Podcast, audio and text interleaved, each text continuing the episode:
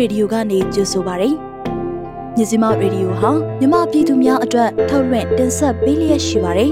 ။ကျမတို့ရဲ့မြစီမရေဒီယိုကိုနေ့စဉ်ည6နာရီခွဲမှည9နာရီခွဲထိလိုင်းဒိုမီတာ16မီတာစက္ကွန်တသမခွန်3မဂါဟက်စ်ကနေပြီးတော့ဖမ်းယူနားဆင်နိုင်ပါပြီ။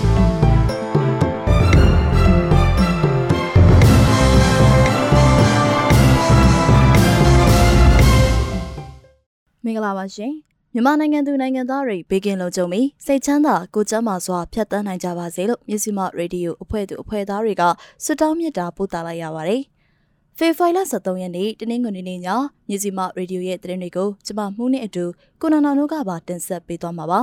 ။ဒီကနေ့ညရဲ့သတင်းတွေထဲမှာတော့လက်ရှိချိန်ဟာတိုင်းရင်းသားညီညွတ်ရေးအတွက်အခွင့်အလမ်းကောင်းဟုဗိုလ်ချုပ်ကြီးကမ်ရှောင်ပြောတဲ့သတင်း။ မန္တလေးတိုင်း PDF ကဗိုလ်ချုပ်မွေးနေ့အမှတ်တရ COVID-19 ကာကွယ်ဆေးထိုးတဲ့တဲ့ပြည်မြို့မှာမီတာကမပေးဆောင်တဲ့နေအိမ်မှာရှိတဲ့မီတာဘုံတွေကိုစစ်ကောင်စီလက်အောက်ခံတွေကလိုက်လံဖြုတ်သိမ်းနေတဲ့တဲ့စားတဲ့ပြည်တွင်းသတင်းတွေစီးပွားရေးသတင်းတွေနဲ့နိုင်ငံတကာသတင်းတွေဘက်မှာတော့အစ္စလာမစ်တော်လှန်ရေးအထိမ်းအမှတ်အဖြစ်အီရန်မှာမော်တော်ယာဉ်တွေနဲ့ချီတက်တဲ့အကြောင်းလျှက်စစ်မီတာကမြင့်တက်မှုကိုစန့်ကျင်တဲ့အနေနဲ့အီတလီရဲ့အထင်ကြီးအစာအုပ်တွေကိုအမောင်ချထားမယ်ဆိုတဲ့အကြောင်း စားတဲ့နိုင်ငံတကာသတင်းတွေအပြင်အပတ်စဉ်တင်ဆက်ပေးနေတဲ့သတင်းဆောင်မအစီအစဉ်နဲ့ BNI အစီအစဉ်တွေကိုလည်းနားဆင်ကြရဖို့ရှိပါတယ်ရှင်။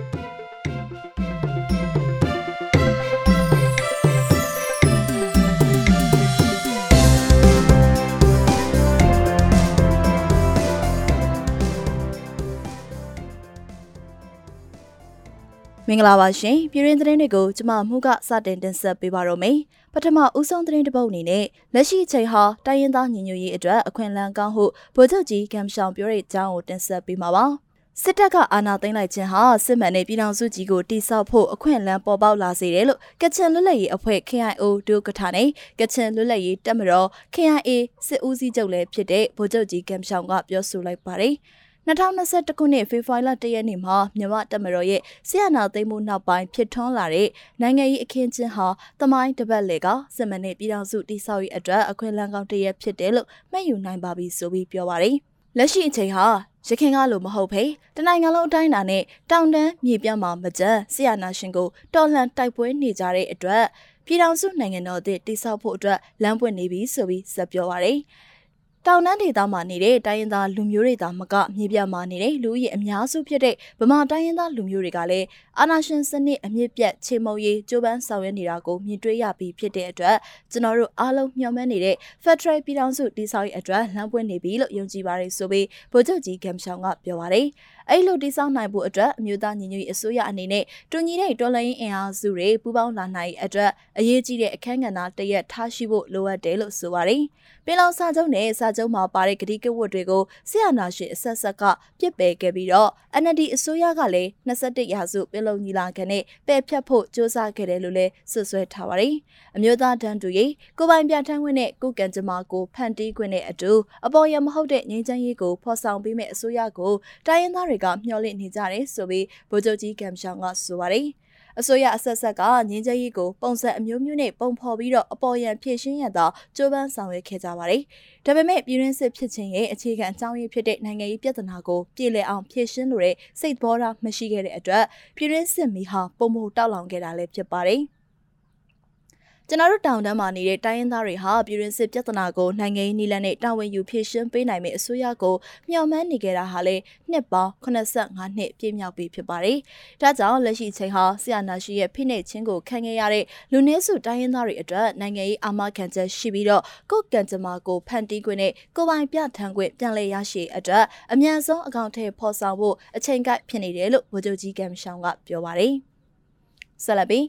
မန္တလေးတိုင်း PDF ကဗိုလ်ချုပ်မွေးနေ့အမှတ်တရ COVID-19 ကာကွယ်ဆေးထိုးတဲ့အကြောင်းကိုတင်ဆက်ပေးကြပါမယ်။ဒီကနေ့ဖေဖော်ဝါရီ23ရက်နေ့မှာကြာရောက်တဲ့109နှစ်မြောက်ဗိုလ်ချုပ်အောင်ဆန်းမွေးနေ့အမှတ်တရမန္တလေးတိုင်းပြည်သူ့ကာကွယ်ရေးတပ်မတော် MTY PDF ရဲဘော်တွေဟာ COVID-19 ကာကွယ်ဆေးထိုးခဲ့ကြောင်းထုတ်ပြန်ခဲ့ပါတယ်။ကာကွယ်ဆေးကိုဆရာဝန်2ဦး၊သူနာပြု2ဦးနဲ့မန္တလေး PDF စိတ်သက်သား9ဦးပူးပေါင်းထိုးနှံပေးခဲ့ကြောင်းပြန်ကြားရေးတာဝန်ခံရဲဘော်မိုးကျိုကပြောပါတယ်။ဒါကလေးချိန်မြောက်ပါကျွန်တော်တို့တင်နန်းတတိရဲဘော်တွေကိုကာကွယ်ဆေးကအမြဲထိုးပြပါတယ်။ရဲဘော်ဦးရေဟာ1300ကျော်သွားပါပြီ။မိုးကျုံမွေးနေ့ကိုဂုဏ်ပြုတဲ့အနေနဲ့ထိုးဖြစ်သွားတာပါ။ဆေးကတော့အိန္ဒိယဆေးပါဆိုပြီးသူကပြောပါတယ်။ရခင်3ချိန်ကို2021ခုနှစ်8လပိုင်း10လပိုင်းနဲ့12လပိုင်းတွေကထိုးနှံပေးခဲ့ကြောင်းဆိုပါတယ်။ဗိုလ်ချုပ်ဆမ်းမွေးနေ့နဲ့ပတ်သက်ပြီးတော့ရဲဘော်မိုးကျိုကဗိုလ်ချုပ်လုံးဆိုလိုက်တာနဲ့မြန်မာရောကဘာကပါသိအောင်အောင်ဆန်းမှာဒီလိုဗိုလ်ချုပ်မျိုးရှိခဲ့တဲ့အတွက်အမြဲတမ်းဂုဏ်ရပါတယ်ဗျာဗိုလ်ချုပ်အောင်ဆန်းရဲ့ပြည်သူတွေပေါ်မှာရိုးသားတဲ့နင့်နာခံမှုနဲ့တိုင်းပြည်ကိုစီလုံးတိုးတက်စေခြင်းနဲ့စိတ်ဓာတ်ကိုအရင်တည်ပြီးတော့စ조사သွားမှာပါဆိုပြီးဂုဏ်ပြုစကားဆိုထားပါတယ် ဆက်လက်ပြီး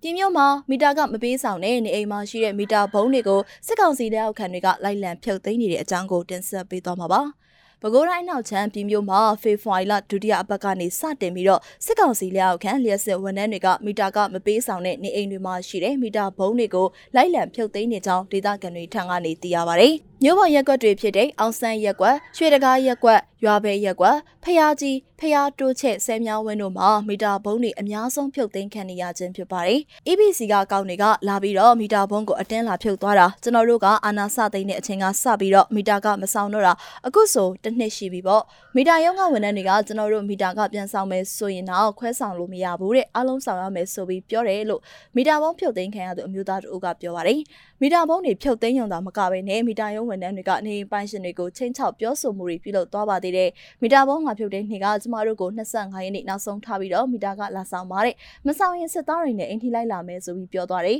ကျမတို့ကမီတာကကြက်6သိန်းကျော်ကြတယ်ဆိုပြီးဒေသခံအမျိုးသမီးတအုပ်ကပြောပါတယ်မြေအောင်တော်လိုင်းအဖွဲ့တစ်ခုဖြစ်တဲ့ပြည်မျိုးမြေအောင်ပျောက်ကြားတပ်ဖွဲ့ PUGF မှ သူတို့ရဲ့လူမှုကွန်ရက်စာမျက်နှာမှာပြည်သူရဲ့မီတာဘုံတွေကိုအတင်းကျပ်ဖြုတ်သိမ်းပြီးတော့ချင်းချောက်ပြောဆိုခဲ့တဲ့စစ်ကောင်စီလက်အောက်ခံလျှက်စစ်မီတာရုံးကိုတတိပေးရေးသားထားပါတယ်။ဆက်လက်ပြီး မြောက်တကုံအမှတ်နှစ်လမ်းပေါ်မှာရှိတဲ့ရဲထောက်ပတ်ရေးဌာနလက်နက်ကြီးဖြင့်ပစ်ခတ်ခံရတဲ့အကြောင်းကိုတင်ဆက်ပေးကြပါမယ်။ရန်ကုန်တိုင်းမြောက်တကုံမြို့နယ်အမှတ်နှစ်လမ်းမကြီးပေါ်မှာရှိတဲ့ရဲထောက်ပတ်ရေးဌာနကြီးဝင်အတွင်းကိုဖေဖော်ဝါရီလ12ရက်နေ့ည9:00မိနစ်50အချိန်က M79 ပုံပစ်လောင်ချာနဲ့နှစ်ချက်ပစ်ခတ်တိုက်ခိုက်ခဲ့ကြောင်း ACPLF အာဆာပလာအဖွဲ့တာဝန်ရှိသူကပြောပါရယ်။ရဲထောက်ဖို့ဝင်အင်အားတော့မသိရဘူးတော်တော်တော့ပြင်းနေထိခိုက်မှုတော့ရှိနိုင်တယ်ဆိုပြီးသူကဆိုပါတယ်။ အဲဒီတိုက်ခိုက်မှုကြောင့်ထိခိုက်မှုအသေးစိတ်ကိုတော့စုံစမ်းနေဆဲပဲဖြစ်ပါတယ်ရှင်။ကြန့်ရှိနေသေးတဲ့ပြည်တွင်းသတင်းတွေကိုကိုနောင်နောင်ကဆက်လက်တင်ဆက်ပေးသွားမှာပါရှင်။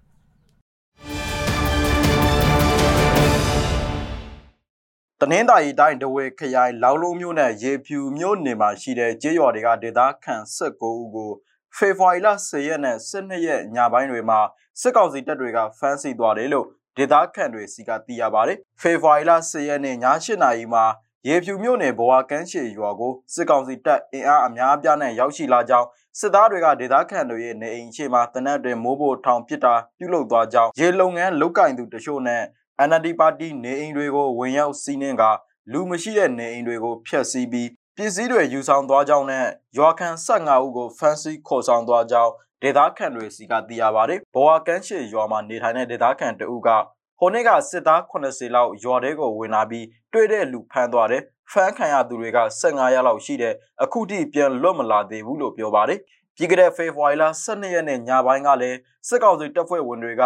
ရေပြူမြို့နယ်နဘူးလေဒေသရှိထွက်ဝရွာမှာ အမျိုးသားတဦးနဲ့အမျိုးသမီးနှစ်ဦးကိုဖမ်းဆီးခဲ့တဲ့အပြင်လောက်လုံးမြို့နယ်ကတဲ့ကြီးကျေးရွာမှာနေထိုင်တဲ့အမျိုးသားတဦးကိုပါဝင်ရောက်ဖမ်းဆီးသွားတယ်လို့ဒေသခံတွေစီကသိရပါတယ်။လက်ရှိစစ်ကောင်စီတပ်ဖွဲ့ဝင်တွေကရေဖြူမြို့နယ်နဲ့လောင်လုံးမြို့နယ်ကဒေသခံ19ဦးကိုအကြောင်းမဲ့ဖမ်းဆီးထားတယ်လို့ဒေသခံတဦးကဆိုပါတယ်။ပြည်ကတဲ့ရက်ပိုင်းကပြူစောတိစောသူတွေလိုက်ပါလာတဲ့ရင်တိုက်ခိုက်ခံရပြီးနောက်ပိုင်းပြည်သူတွေကိုမတရားဖမ်းဆီးတာနဲ့ မူရစ်စေဝါတွေရောင်းချနေတယ်လို့ဆက်ဆွေးချက်နဲ့စစ်ကောင်စီတပ်ဖွဲ့ကအခုလိုဖမ်းဆီးနေတာဖြစ်တယ်လို့ဒေသခံတွေကပြောပြပါတယ်။အဖမ်းခံရတဲ့သူတွေကအေးဆက်နေသူတွေဖြစ်တယ်။အခုရွာမှာပြူစောတိတွေမကျေနပ်တဲ့သူတွေကိုလက်ညှိုးထိုးလို့ဖမ်းခံနေရတယ်။တချို့အိမ်မှာမနေရဲတော့ရှောင်နေရတယ်လို့ဒေသခံတဦးကပြောပါတယ်အကြံပတ်စစ်ကောင်စီတပ်ဖွဲ့ကနဘူးလေဒေသရှိကျေးရွာတချို့မှာတက်ဆွဲကဒေသခံတွေကိုမတရားဖမ်းဆီးတာနေအိမ်တွေကိုမီးရှို့ဖျက်ဆီးတာ လူမနေတဲ့အိမ်တွေကိုချိတ်ပိတ်တာတွေပြုလုပ်နေတယ်လို့ဒေသခံတွေကမီစီမကိုပြောပါတယ်ခင်ဗျာ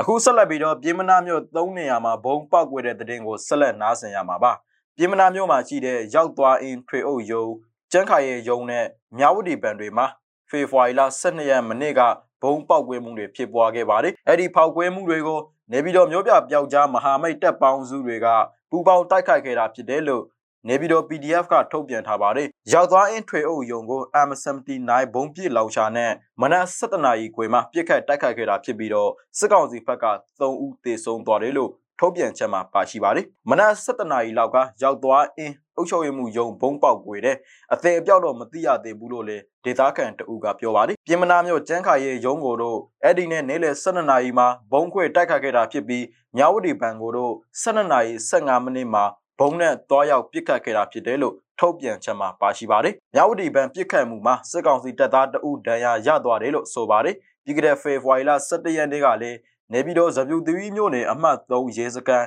တက်ကုံမြို့မှာဈေးနဲ့ပြင်းမနာမြို့ကွာကြားရက်ကွက်မှာရှိတဲ့ရေနံတော်လှောက်ယုံတို့ဖောက်ခွဲခံခဲ့ရပါသေးတယ်ခင်ဗျာ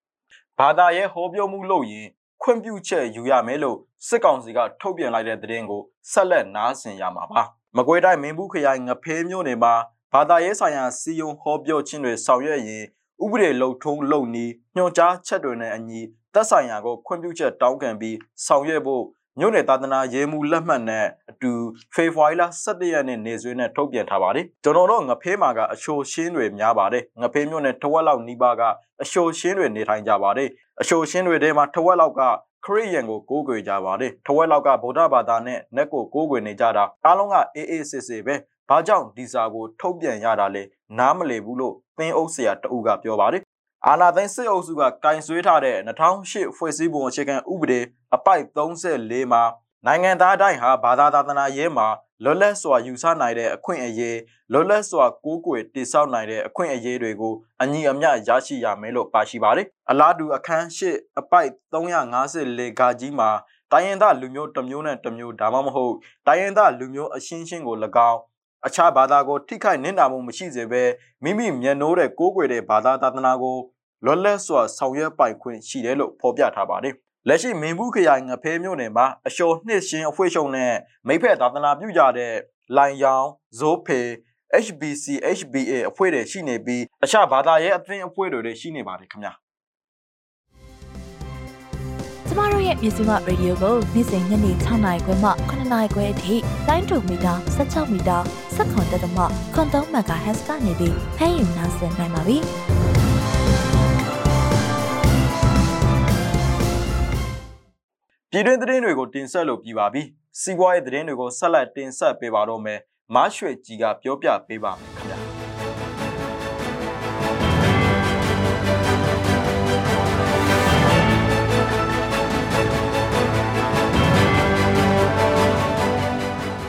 ဒီကနေ့အတွက်နောက်ဆုံးရရှိထားတဲ့စီးပွားရေးသတင်းတွေကိုတင်ဆက်ပေးပါတော့မယ်။စီးပွားရေးကိုမြင့်တင်ဖို့နဲ့ပြည်တွင်းငွေပေးချေမှုကိုပံ့ပိုးနိုင်ဖို့ရည်ရွယ်ထားတဲ့ ကိုပိုင် digital ငွေကြေးကိစ္စနဲ့အွန်လိုင်းကနေထီရောက်မဲ့ကိစ္စကိုလှုပ်ဆောင်နေတယ်လို့စစ်ကောင်စီရဲ့ပြန်ကြားရေးဝန်ကြီးဌာနမှဗိုလ်ချုပ်ဇော်မင်းထွန်းကပြောဆိုလိုက်ပါတယ်။လက်ရှိမှာအဆိုပါကိစ္စတွေကိုလှုပ်ဆောင်နေဆဲဖြစ်ပြီးသက်ဆိုင်ရာအဖွဲ့အစည်းတွေနဲ့ဆက်လက်ဆွေးနွေးနေဆဲဖြစ်တယ်လို့သိရပါတယ်။ digital ငွေကြေးကိစ္စကမြန်မာနိုင်ငံရဲ့ဗန္နာရေးဆိုင်ရာလှုပ်ဆောင်ချက်တွေကိုတိုးတက်စေဖို့ကူညီပေးဖို့ဖြစ်တယ်လို့ဆိုပါတယ်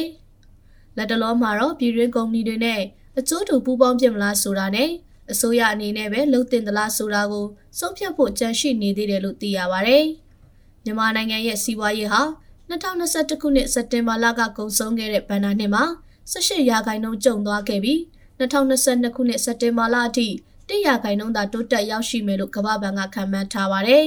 ။စစ်ကောင်စီရဲ့စီမံကိန်းနဲ့ဗဏ္ဍာရေးဝန်ကြီးဌာနပြည်တွင်းခုမြောင်ဦးစီးဌာနအနေနဲ့လက်ရှိကျင့်သုံးနေတဲ့အောင်ပါလီထီရောင်းချတဲ့စနစ်အပြင် NUC ဆိုရရဲ့ຫນွေဥတီကဲသို့အွန်လိုင်းကတဆင့်ရောင်းချဖို့စီစဉ်နေတာလည်းဖြစ်ပါတယ်။ဤပညာပံ့ပိုးနိုင်မဲ့ service provider တစ်ခုကိုရွေးချယ်ဆောင်ရွက်သွားမှာဖြစ်ပြီးအဆိုပြုလာတွေကိုဖိတ်ခေါ်ထားပေမဲ့အခုချိန်ထိမအောင်မြင်သေးတာလည်းဖြစ်ပါတယ်။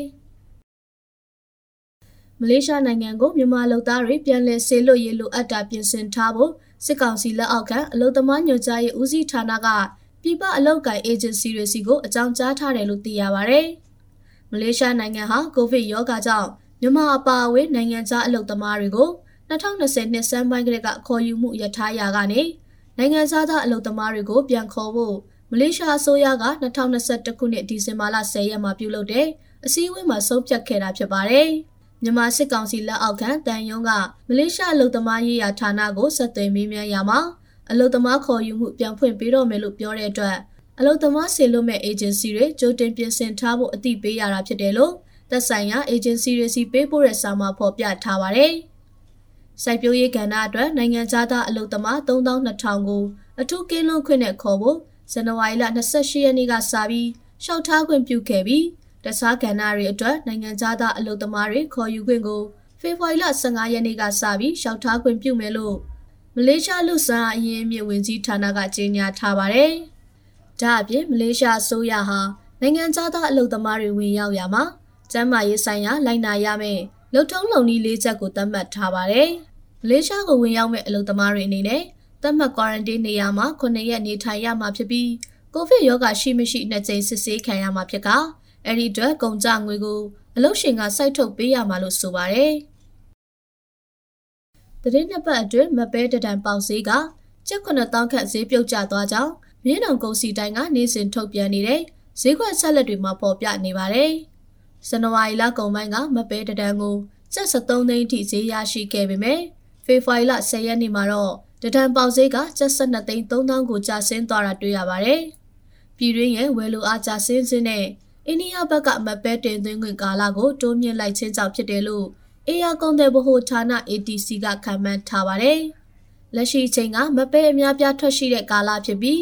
ဈေးကွက်အတွင်းသို့မပဲအလုံးရင်းနဲ့ဝင်ရောက်လျက်ရှိတာကြောင့်ဈေးနှဲငယ်ကျဆင်းနေရခြင်းဖြစ်တယ်လို့လည်း ATC ကဆိုပါတယ်။အိန္ဒိယကမပဲတန်ချိန်2သိန်းခွဲနဲ့ပဲစင်းကုန်တန်ချိန်3သိန်းကို2021-2022ဘဏ္ဍာနှစ်ကစတင်ပြီး9နှစ်ဆက်တိုက်ဝယ်ယူဖို့နှစ်ဖက်ဆိုရချင်း MOU ရေးထိုးထားတာဖြစ်ပါတယ်။ MOU အပြင်တင်သွင်းခွင့်မူဝါဒကိုမက်လကုံထိတိုးမြင့်ပေးထားတာကြောင့်မြန်မာကုန်သည်တွေအနေနဲ့အိန္ဒိယရဲ့ဘဲတင်သွင်းခွင့် policy အပြောင်းလဲနဲ့ ကိုတာစနစ်မသေးချခြင်းတို့ကြောင့်တင်သွင်းခွင့်ကာလမတိုင်မီရေအတွက်အမြောင်များတင်ဖို့လိုတာကြောင့်မပဲစင်းတို့ကြာဆင်းရခြင်းဖြစ်တယ်လို့အိန္ဒိယအခြေစိုက် AgriWorld Mobile ကခန့်မှန်းထားပါတယ်။အိန္ဒိယနိုင်ငံတွင် COVID-19 ရောဂါကူးစက်မှုအခြေအနေအရ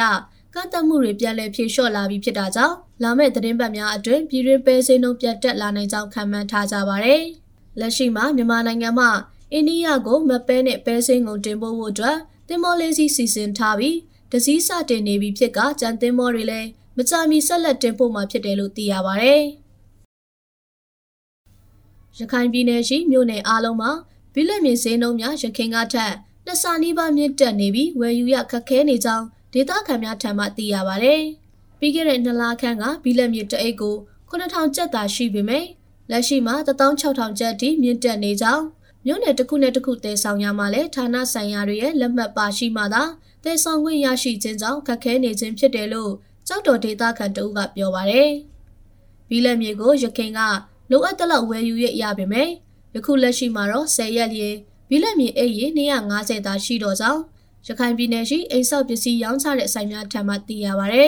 ။ထိုပမာဏဟာအိမ်ဆောက်ပစ္စည်းရောင်းချတဲ့ဆိုင်များအတွက်တစ်နှစ်တာရောင်းချရတဲ့ပမာဏဖြစ်နေကြောင်းကြန့်ရှိတဲ့ဘီလက်မြေနဲ့ပြည်လည်ဝင်ရောက်မဲ့နေ့မတိုင်ခင်ဒီဆိုင်တွေမှာပြက်လက်လျက်ရှိနေကြောင်း ထို့သောဖြစ်လာခြင်းကြောင့်ဝယ်လိုအားနဲ့ရောင်းလိုအားမျှတမှုမရှိတဲ့အခြေအနေဖြစ်နေကြောင်းဒေသခံများကပြောပါရယ်။ဘီလက်မြေလုံလောက်စာမရရှိခြင်းနဲ့ဈေးနှုန်းအဆမတန်မြင့်မားနေမှုကြောင့်ရခိုင်ပြည်နယ်မှာရှိတဲ့စောက်လုပ်ရေးလုပ်ငန်းများစွာယာယီရနားရတဲ့အခြေအနေဖြစ်နေပြီးထို့အထဲမှာအစိုးရတင်တာအောင်ထားတဲ့လုပ်ငန်းများလည်းပါဝင်နေကြောင်းရခိုင်ပြည်နယ်ကုန်သည်နဲ့စက်မှုအသင်းမှသိရပါဗျ။မြန်မာနိုင်ငံရဲ့တခြားတိုင်းဒေသကြီးတချို့နဲ့ပြည်နယ်တချို့ထက်ရခိုင်ပြည်နယ်မှာလမ်းမဆက်သွယ်ရေးနဲ့ တည်ယူပို့ဆောင်ရေးစရိတ်ကြီးမြင့်ခြင်းကြောင့်ဘီလက်မြေစင်းနှုန်းများပုံမှုမြင့်မားနေခြင်းလည်းဖြစ်ပါတယ်။ရခိုင်ပြည်နယ်အတွင်းဘီလက်မြေစင်းနှုန်းမြင့်တက်မှုနဲ့လိုအပ်တဲ့ပမာဏမရှိခြင်းဟာလွန်ခဲ့တဲ့နှစ်လကလေးကပင်ဖြစ်နေကြောင်း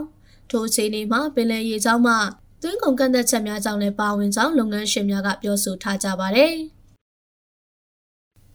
စက်တင်ဘာလ30ရက်နေ့မှာကမ္ဘာရွှေဈေးဟာဒေါ်လာ1933ဝန်းကျင်ရှိပြီး ကျပ်22သိန်း5000ဝန်းကျင်သို့စံချိန်တင်ရောက်ရှိခဲ့တဲ့ပြည်တွင်းရွှေဈေးနှုန်းမှာဖေဖော်ဝါရီလ17ရက်နေ့မှာတော့ကျပ်18သိန်း8000ဝန်းကျင်သို့ရောက်ရှိနေကြောင်းရွှေရောင်းဝယ်သူများထံမှသိရပါဗျ။ဖေဖော်ဝါရီလ17ရက်နေ့မှာပြည်တွင်းရွှေဈေးနှုန်းအနေနဲ့16ပဲရီအခောက်ရွှေဈေးနှုန်းမှာကျပ်18သိန်း8000တထောင်ဝန်းကျင်ရှိနေပြီး15ပဲရေရွှေဈေးနှုန်းမှာကျပ်18သိန်း9500ဝန်းကျင်ရှိခဲ့ပါတယ်။2021ခုနှစ်အောက်တိုဘာလ30ရက်နေ့မှာ ကမ္ဘာရွှေဈေးဟာ1983ဒေါ်လာဝန်းကျင်ရှိပြီးပြည်တွင်းရွှေဈေးနှုန်းမှာ16ပဲရေအခောက်ရွှေဈေးနှုန်းကတော့ကျပ်18သိန်း9800ဝန်းကျင်ရှိနေက15ပဲရေဈေးကတော့ကျပ်16သိန်း9000ဝန်းကျင်ရှိခဲ့ကြောင်းရွှေရောင်းဝယ်သူများထံမှသိရပါဗျ။ရွှေဈေးနှုန်းဟာ2016ခုနှစ်ကကျပ်8သိန်းနဲ့2019ခုနှစ်ကကျပ်9သိန်းနဲ့2018ခုနှစ်ကကျပ်10သိန်းနဲ့2019ခုနှစ်က ကျပ်17သိန်းဝန်းကျင်နဲ့ကျပ်12သိန်းဝန်းကျင်တန်းကိုကျော်လွန်လာခဲ့ပြီး2019ခုနှစ်စက်တင်ဘာလမှာတော့ကျပ်73သိန်း1000ကျော်အထိမြင့်တက်ခဲ့ခြင်းဖြစ်က2021ခုနှစ်ဖေဖော်ဝါရီလ6ရက်နေ့မှာတော့ကျပ်14သိန်း2000နဲ့စက်တင်ဘာလအတွင်းကျပ်သိန်း30ကျော်အထိစံချိန်တင်မြင့်တက်ခဲ့တာလည်းဖြစ်ပါတယ်။ရန်ကုန်တိုင်းဒေသကြီးရဲ့ရွှေဈေးကွက်အတွင်းတရက်လျင်ရွှေပိတ်သားချိန်90ခန့်အယောင်းဝယ်ဖြစ်နေကြောင်းရန်ကုန်တိုင်းဒေသကြီးရွှေလုပ်ငန်းရှင်များအသင်းမှသိရပါဗျ။လက်ရှိအနေအထားအရရွှေဈေးအတက်အကျမှာ ကမ္ဘာရွှေဈေးနဲ့ဒေါ်လာဈေးပေါ်တွင်သာမူတည်ကြောင်းပွန်လင်းရာသီရောက်ရှိလာတာကြောင့်လက်ရှိမှာအခြားနေများကအတိုင်းရွှေဝေများပုံမှန်အတိုင်းရှိနေကြောင်းစင်ဟွာသတင်းဌာနကဖော်ပြထားပါတယ်။ဖေဖော်ဝါရီလ17ရက်နေ့ညနေပိုင်းမှာကမ္ဘာရွှေဈေးတအောင်စကိုအမေရိကန်ဒေါ်လာ1826ဒေါ်လာရှိပြီးမြန်မာရွှေဈေးကတော့အကယ်ဒမီမီနွေရွှေတစ်ချက်သားကို18သိန်း8000ကျပ်ပေါက်ဈေးရှိကြောင်းသိရပါဗျ။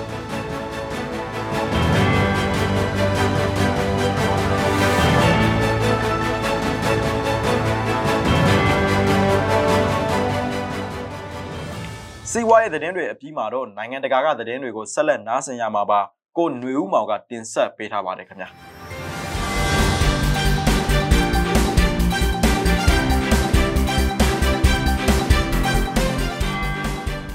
ဝါရှင်တန်ရှိစူပါမားကတ်ကြီးတစ်ခုမှာဈေးဝယ်နေတဲ့အသက်48နှစ်အရွယ်ကလေးမိခင်တူဖြစ်တဲ့လီဆာရဲ့ဈေးချင်းထဲမှာအခြားစားစရာတွေပြည့်ရှင်နေပေမဲ့ အမဲသားရဲ့အရေးအယောင်ကိုမမြင်ရပါဘူး။အရန်ဈေးကြီးလွန်းတယ်လို့သူမကဆိုပါတယ်။ဘာဘီကျူးနဲ့အသားကင်ဆိုင်တွေပေါ်များတဲ့အမေရိကန်ပြည်ထောင်စုမှာအမဲဆိုတာစင်ကန်ပစ္စည်းတစ်ခုဖြစ်ပါတယ်။2021ခုနှစ်တခြားလုံးမှာကုန်စည်နှုန်းတွေ9ရာခိုင်နှုန်းမြင့်တက်လာခဲ့ပြီး1982ခုနှစ်နောက်ပိုင်းအမြင့်မားဆုံးဖြစ်လာတဲ့ငွေကြေးဖောင်းပွားမှုဟာလည်း January လစီးရင်စရာများအရာဆက်လက်တိုးမြင့်လာမဲ့အခြေအနေတွေရှိနေပါတယ်။ American Asian မတွေအတွက်အသားငါ ကြက်သားနဲ့ကျဲဥဈေးနှုန်းတွေဟာပြီးခဲ့တဲ့နှစ်အတွင်း12.5ရာခိုင်နှုန်းခုန်တက်လာခဲ့ပြီးအမဲသားကအသားပေါ်မူတည်ပြီး23ရာခိုင်နှုန်းအထိမြင့်တက်လာခဲ့ပါတယ်။ဝါရှင်တန်အနီးကဘင်နက်စ်ရက်ွက်ရှိစူပါမားကတ်ကြီးတစ်ခုမှာဈေးဝယ်နေတဲ့ကလေး၃ယောက်မိခင်လီဆာအတွက်တော့ဈေးအနေဆုံးအမျိုးစားတွေကအမဲသားကိုတော့ဝယ်စားနိုင်ပါသေးတယ်လို့ဆိုပါတယ်။ကျမကကြက်သားနဲ့ဝက်ဥချောင်းတွေအများစုဝယ်တယ်။တခါတလေအမဲသားကိုကြိုက်ပါတယ်လို့သူမကပြောပြပါတယ်။ ရေသွေးကောင်းတဲ့အမဲသားတပေါင်ဈေးဟာ24.99ဒေါ်လာရှိပြီးခန်းနာထဲဝါတဲ့ဂျော်တောင်းရက်ွက်ရှိအမဲသားဆိုင်မှာတော့အလားတူအမဲသားတပေါင်ဈေးက73ဒေါ်လာပိုပြီးကျတဲ့ပါတယ်။အင်ဒီယာနာရှိပါဂျူးတက်ကတိုကစိုက်ပျိုးမွေးမြူရေးဆိုင်ရာဘောဂဗေဒဌာနအကြီးအကဲဂျေဆန်လက်ကစားသောက်ကုန်ဈေးနှုန်းတွေမြင့်တက်လာရခြင်းရဲ့အကြောင်းရင်းအမျိုးမျိုးကိုကိုးကားဖော်ပြခဲ့ပါတယ်။ ကယောဂါကာလအတွင်းအိမ်မှာပိတ်မိနေတဲ့အမေရိကန်တွေရဲ့စားသောက်မှုနှုန်းတွေမြင့်တက်လာသလိုအမေရိကန်အသားတွေကိုဝယ်ယူလေးရှိတဲ့အထူးသဖြင့်တရုတ်လိုမျိုးပြည်ပကမှာယူမှုတွေကလည်းမြင့်တက်လာခဲ့ပါတယ်။ တစ်ချိန်တည်းမှာပဲကယောဂါစတင်ခြင်းကစပြီးလှုပ်သားရှားပါမှုနဲ့တည်ယူပို့ဆောင်ရေးအခက်အခဲတွေကြောင့်အသားထုတ်လုပ်မှုကုန်ကျစရိတ်က20ရာခိုင်နှုန်းထိတက်လာခဲ့တာဖြစ်ပါတယ်။အမေရိကန်မှာအကြီးဆုံးအသားထုတ်လုပ်တဲ့တိုင်ဆန်ကုမ္ပဏီက၎င်းရဲ့စွမ်းဆောင်ရည်ထက်ကျော်လွန်နေတဲ့ဝယ်လိုအားကိုဖြည့်ဆည်းပေးနိုင်ဖို့အတွက်ထုတ်လုပ်မှုဈေးတွေတိုးမြင့်လာမှုကိုထေမိစေဖို့ယခုသတင်းပတ်အတွင်းမှာတင်ဈေးနှုန်းတိုးမြင့်မှုတွေလုပ်ခဲ့ရတယ်လို့ဆိုပါတယ်။ ထောင်ပေါင်းများစွာသောအီရန်နိုင်ငံသားတွေဟာနိုင်ငံရဲ့အစ္စလာမစ်တော်လှန်ရေး43နှစ်မြောက်အထိမ်းအမှတ်အဖြစ်တီဟီရန်မှာဖေဖော်ဝါရီလ17ရက်တောက်ကြနေ့ကခြိတက်ခဲ့ကြရမှာ ကိုဗစ်ကန့်သက်ချက်တွေကြောင့်ခြေလျင်လမ်းလျှောက်ခြင်းထက်မော်တော်ယာဉ်တွေနဲ့လှည့်လည်ခဲ့ကြပါတယ်။1989ခုနှစ်ရှားအစိုးရကိုဖြုတ်ချနိုင်ခြင်းအထိမ်းအမှတ်ပွဲကိုဆင်နွှဲသူတွေအနေနဲ့ကိုဗစ်ကပ်ရောဂါကြောင့်အရင်နှစ်တွေတုန်းကလိုစုယုံခြင်းသို့မဟုတ်ခြေတက်ခြင်းမပြုသင့်ကြောင်းနိုင်ငံပိုင်ရုပ်မြင်သံကြားကနေကြေညာခဲ့ပါတယ်။ချမ်းအေးလာတဲ့ရာသီဥတုကြားက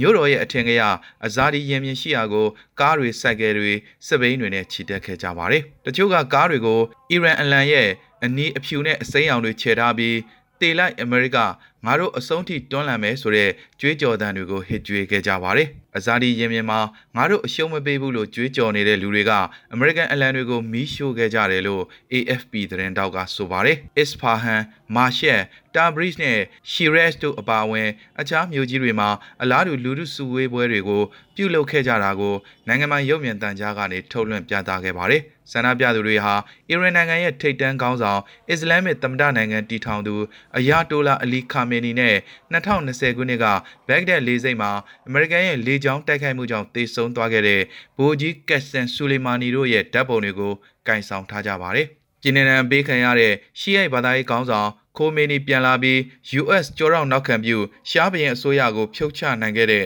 အထိမ်းအမှတ်ဖြစ်တဲ့ယခုနှစ်နှစ်ပတ်လည်ချစ်တဲ့ပွဲဟာအစွန်းရောက်ကွန်ဆာဗေးတစ်သမ္မတအီဗရာဟမ်ရိုင်းစီတက်လာပြီးနောက်ပိုင်းပထမဆုံးအကြိမ်ဖြစ်ပါတယ်။ တရားဝင်ကိန်းဂဏန်းတွေအရအီရန်မှာကိုရိုနာဗိုင်းရပ်စ်ကူးစက်ခံရသူပေါင်း6.8တန်းကျော်ရှိခဲ့ပြီး333,000ကျော်သေဆုံးခဲ့ပါတယ်။လူဦးရေ85တန်းဝန်းကျင်ရှိတဲ့အီရန်ဟာကပ်ရောဂါဒဏ်ကိုအဆိုးရွားဆုံးခံစားခဲ့ရတဲ့အရှေ့အလယ်ပိုင်းနိုင်ငံလည်းဖြစ်ပြီးလူဦးရေ55တန်းနီးပါးကာကွယ်ဆေးအပြည့်အဝထိုးနှံပြီးဖြစ်ပါတယ်။ လျှက်စစ်မီတာကမြင့်တက်မှုကိုစန့်ကျင်တဲ့သင်္ကေတအဖြစ်အီတလီနိုင်ငံတဝမ်းရှိရောမာကက်ပီတိုလာဟီးလ်နဲ့ဖလော်ရန့်စ်ဘွန်ဒီဘက်ကီယိုတို့အပါအဝင်အထင်ကြီးအဆောက်အဦတွေအားလုံးကိုဖေဖော်ဝါရီလ10ရက်ကြာသပတေးနေ့ညနေပိုင်းကစပြီးအမောင်ချထားဖို့စီပင်အာဏာပိုင်တွေကဆုံးဖြတ်ခဲ့ပါတယ်။အီတလီလူမှုအဖွဲ့အစည်းများဆိုင်ရာ ANCI အသင်းရဲ့ခံမှန်းတွက်ချက်မှုတွေအရ လျှက်စစ်သုံးစွဲကမြင့်တက်လာမှုကြောင့်ဒေသန္တရအဖွဲ့ခွဲတွေအတွက်ဓာတ်အားကပေးဆောင်ရမယ့်ငွေအနည်းဆုံးယူရိုတန်950ထိတိုးလာမှာဖြစ်ပြီးနှစ်စဉ်လျှက်စစ်ဓာတ်အားအသုံးစရိတ်စုစုပေါင်းယူရို1.6ကနေ1.8ဘီလီယံကြားကျသင့်မှာဖြစ်ပါတယ်။လျှက်စစ်ဓာတ်အားကတိုးမြင့်မှုကကိုရိုနာဗိုင်းရပ်စ်ကြောင့်ဝန်တုပ်ဝန်ပိုးဖြစ်နေတဲ့မိသားစုတွေနဲ့အဖွဲ့အစည်းတွေကိုဆိုးဆိုးဝါးဝါအခက်အခဲဖြစ်စေပါတယ်လို့ရောမမြို့တော်ဝန်ရိုဘာတိုဂါတီယီက ထုတ်ပြန်ချက်မှာပြောကြားခဲ့ပြီးရောမာရဲ့မြို့တော်ခန်းမှာကက်ပီတိုလိုင်းနဲ့မီးတွေကိုည၈နာရီကစပြီးတနာရီကြာပိတ်ထားလိုက်ပါတယ်။တစ်ချိန်တည်းမှာပဲ Florence မှာရှိတဲ့ Palazzo Vecchio, Ponte Vecchio နဲ့ Palazzo Medici Riccardi အဆောက်အဦတွေကိုနိုင်ဝက်ပိတ်ထားမှာဖြစ်ပါတယ်။ ANCI ကစီစဉ်တဲ့ပနာမအစီအစဉ်ရဲ့တစ်စိတ်တစ်ပိုင်းအဖြစ်အလားတူလှုပ်ဆောင်မှုတွေကိုမီလန်၊တူရင်၊ဘိုလော့နာနဲ့ပီဆာတို့အပါအဝင်အခြားမြို့တွေမှာလည်းလှုပ်ဆောင်ဖို့စီစဉ်ထားပါတယ်။ အစိုးရရဲ့ပံ့ပိုးကူညီမှုဟာယခုအချိန်ထိအောင်မလောက်ငါသေးကြောင်း ANCI ရဲ့အကြီးအကဲအန်တိုနီယိုဒက်ကာရိုကပြောကြားခဲ့ပါတယ်။ဝန်ကြီးချုပ်မာရီယိုဒရာဂီရဲ့အစိုးရဟာလျှက်စစ်နဲ့တဘာဝတန်းငွေကုန်ကျစရိတ်တွေမြင့်တက်လာနေတဲ့မိသားစုတွေနဲ့စီးပွားရေးလုပ်ငန်းတွေကိုကူညီဖို့အတွက်ယူရို9.5ဘီလီယံသုံးစွဲဖို့ကတိပြုထားပါတယ်။အစိုးရအနေနဲ့လာမယ့်ရက်များအတွင်းပုံမကျယ်ပြန့်တဲ့ဆွတ်ဖက်လှုပ်ဆောင်ချက်တရက်ကိုပြင်ဆင်နေတယ်လို့ဒရာဂီကဗိုလ်တူးနေ့ကပြောကြားလိုက်ပါတယ်။ မီလန်မြို့တော်ဝင်ဘက်ပီဆာလာကသူ့မြို့မှာ LED မီးတွေကိုတော်တော်များများအစားထိုးသုံးစွဲနေပြီလို့ဆိုပါတယ်။ကုန်ကြစည်ကိုရှော့ချဖို့အတွက်မီးအလင်းရောင်ကိုရှော့ချတာကလွဲရင်ကျွန်တော်တို့လုံနိုင်တာများများစားစားမရှိဘူးလို့၎င်းကဆိုပါတယ်။ယာယီမီးအမောင်ချတာကအစိုးရကိုသတင်းစကားပါဖို့ရည်ရွယ်တာဖြစ်တယ်လို့သူကဆက်ပြောပါတယ်။ မနေ့ကစလို့စွမ်းရည်ဈေးနှုန်းတွေမြင့်တက်လာခဲ့ပြီးအီတလီဟာ၎င်းရဲ့ရေနံနဲ့တဘာဝတန်းငွေလိုအပ်ချက်တွေပြည့်မီဖို့အတွက်ပြည်ပကတင်သွင်းမှုအပေါ်ကြီးမားစွာမှီခိုနေရပါတယ်။ ပြင်းထန်တဲ့နိုင်ငံရေးမတည်ငြိမ်မှုတွေကြားမှာပီရူးသမ္မတပက်ဒရိုကက်စတီလိုဟာအတိုင်းအမြံတဦးနဲ့တွေ့ဆုံပြီးနောက်ပိုင်း၎င်းရဲ့နိုင်ငံရေးဝိသေသနလက္ခဏာပုံဖော်မှုအဖြစ်2021ခုနှစ်ရွေးကောက်ပွဲမှာအနိုင်ရအောင်ကူညီပေးခဲ့တဲ့အဖြူရောင်အုပ်ထုပ်ကြီးကိုရုတ်တရက်ဆွန့်ပစ်လိုက်ပါတယ်။ပြီးခဲ့တဲ့ရက်ပိုင်းကအာဏာရလာပြီး6လအတွင်းစတုထမြောက်အစိုးရသစ်ကိုခန့်အပ်လိုက်တဲ့အသက်52နှစ်အရွယ်သမ္မတဟာကြာသပတေးနေ့မှာတော့သူ့ရဲ့ကြီးမားတဲ့အုပ်ထုပ်ဖြူကြီးမပါဘဲ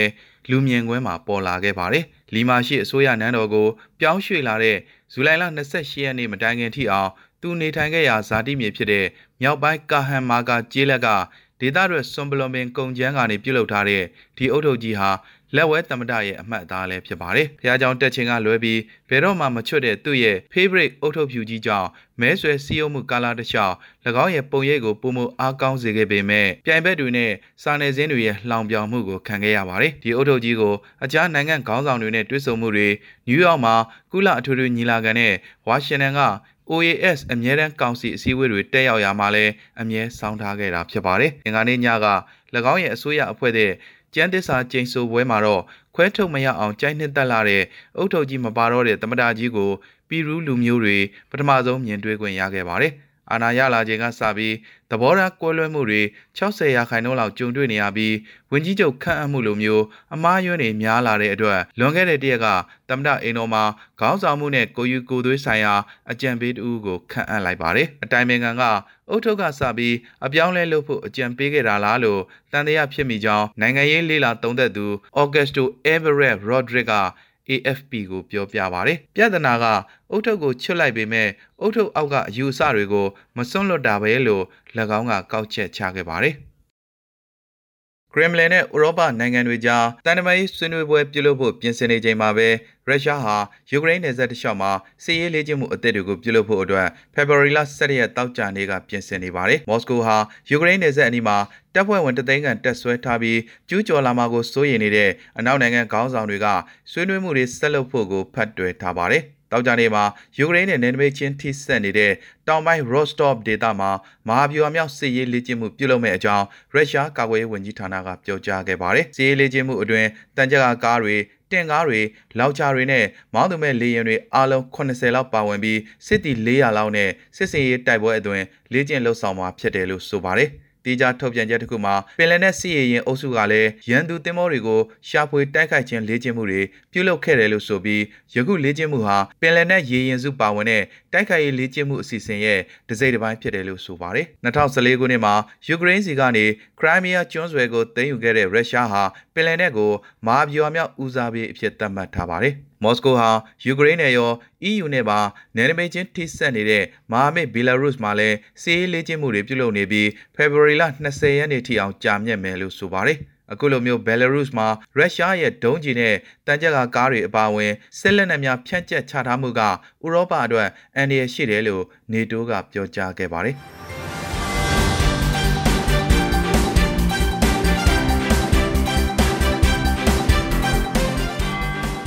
ကဲအခုကတော့အပတ်စဉ်တင်ဆက်ပေးနေတဲ့သတင်းဆောင်ပါအစီအစဉ်ကိုနားဆင်ရမယ့်အလှေပါဒီတိုင်းပြည်မှာစစ်တပ်ကျေစုမူးလို့တောင်ရှူစရာမရှိဘူးဆိုတဲ့ဆောင်ပါကိုကိုလင်းထက်ကပြောပြပေးပါမယ်ခင်ဗျာဒီတစ်ပတ်ရဲ့ဆောင်းမအစီအစဉ်မှာဒီတိုင်းပြည်မှာစစ်တပ်ကျေစုမူးလို့တောင်ရှူစရာမရှိဘူးဆိုတဲ့ဆောင်းပါကိုတင်ဆက်ပေးပါမယ်စစ်တပ်အာဏာသိမ်းမှုတိုင်းကိုကြည်ပါစစ်တပ်ရဲ့ကျေးဇူးကြောင့် တိုင်းပြည်တိုးတက်သွားသလားဆိုတဲ့မေးခွန်းကိုဖြေရမယ်ဆိုရင်ဟန်သာရီဦးဝင်းတင်ရဲ့စကားကိုသာဆိုရမယ်ထင်ပါတယ်ဒီတိုင်းပြည်မှာစစ်တပ်ကျေးဇူးမူးလို့တောင်ရှူစရာတောင်မရှိဘူးလို့သာဖြေရမှာပဲဖြစ်ပါတယ်မြန်မာနိုင်ငံသမိုင်းတစ်လျှောက်စစ်တပ်ဟာအကြောင်းမျိုးမျိုးပြကသုံးငိမ်တိုင်တိုင်အာဏာသိမ်းခဲ့ပါတယ်ဦးနေဝင်အာဏာသိမ်းခဲ့တုန်းကအကြမ်းဆုံးလို့ဆိုရမလားပြည်သူပိုင်သိမ်းတယ်တမကအဆောင်အဦကိုဘုံခွဲဖြိုချဖျက်ဆီးခဲ့တယ် ဖွံ့ဖြိုးမှုအ ਨੇ ဆုံးစီးရင်ဝင်နိုင်ငံဖြစ်ခဲ့ရသလိုပြည်သူများစီးရဲတွင်နှက်တဲ့နှက်ခဲ့ရပါတော့တယ်